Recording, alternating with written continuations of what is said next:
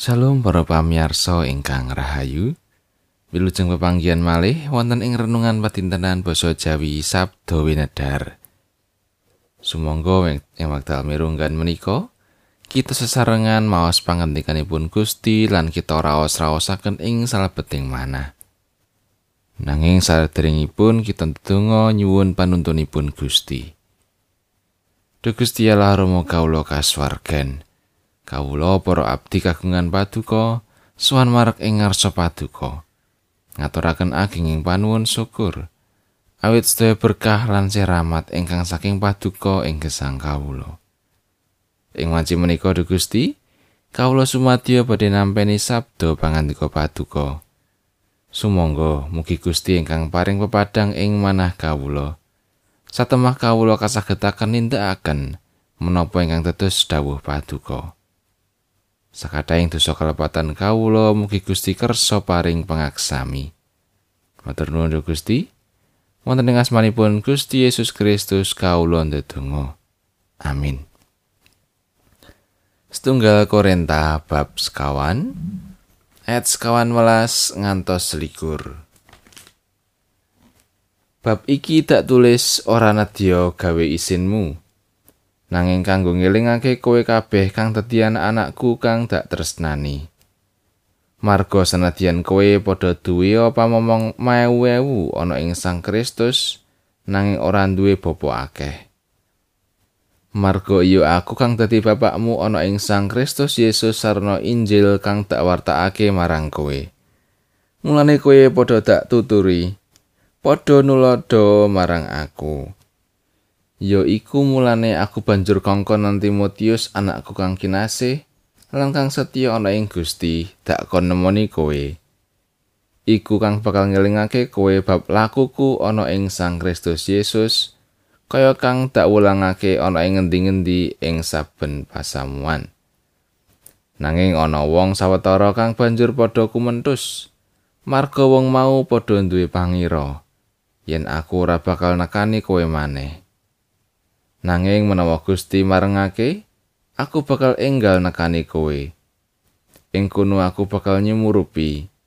Dudu tembunge wong kang kumendos mau nanging daya kekuatane. Sebab kratone Gusti Allah iku ora awujud tembung, nanging wujud daya kekuatan. Apa to kang padha kok karepake?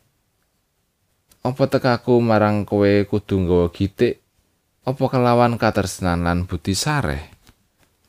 Makaten pangandikanipun Gusti ayat nat saking ayat kang 11 lan 16 Marga sanadyan kowe padha duwe apa momong mamewu ana ing Sang Kristus nanging ora duwe bapa akeh.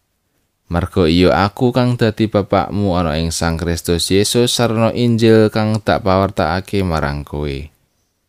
Mulane kowe padha tak pituturi padha nulodo marang aku. Padha nulodo marang aku. Pangantikanipun Rasul Petrus menika saestu ngeda-bedapi. Awis-awis wonten tiyang ingkang wantun ngendikan mekaten.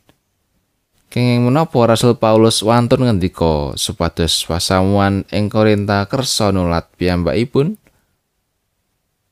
Sepisan awit nalika semanten wonten saperangan pasamuan ingkang boten ngakeni karasulanipun Paulus. Mila Rasul Paulus nedahaken bilih piyambakipun estu madeg minangka abdi ingkang jejeg ing kapitadosan lan lampahing gesang. Kaping kalih Rasul Paulus meratelaken bilih piyambakipun boten namung madeg minangka pamomong utawi pamulang umat ananging ugi minangka bapa rohani ingkang boten namung paring piwucal ananging ugi paring patuladan. Menapa kemawon patuladanipun Rasul Paulus? Piyambakipun tumaman makarya martosaken Injilipun Sang Kristus. Piyambakipun tansah tatak anggenipun nandang pamoyok lan kasangsaran.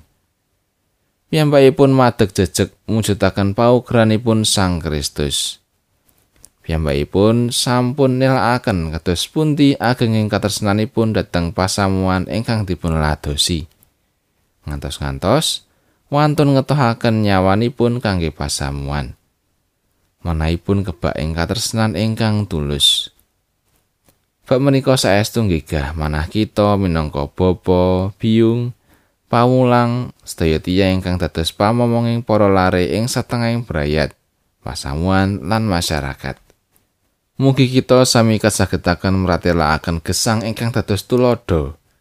Lakonana lan wulangna. Menika timbalanipun Gusti Allah dhateng para pitados. Supados saestu saged madeg jejeg minangka tulodo kangge tiyang sanes. mirungganipun para putra lan tiyang anem supados gesangipun cunduk kalian sabdanipun Gusti Allah amin Bro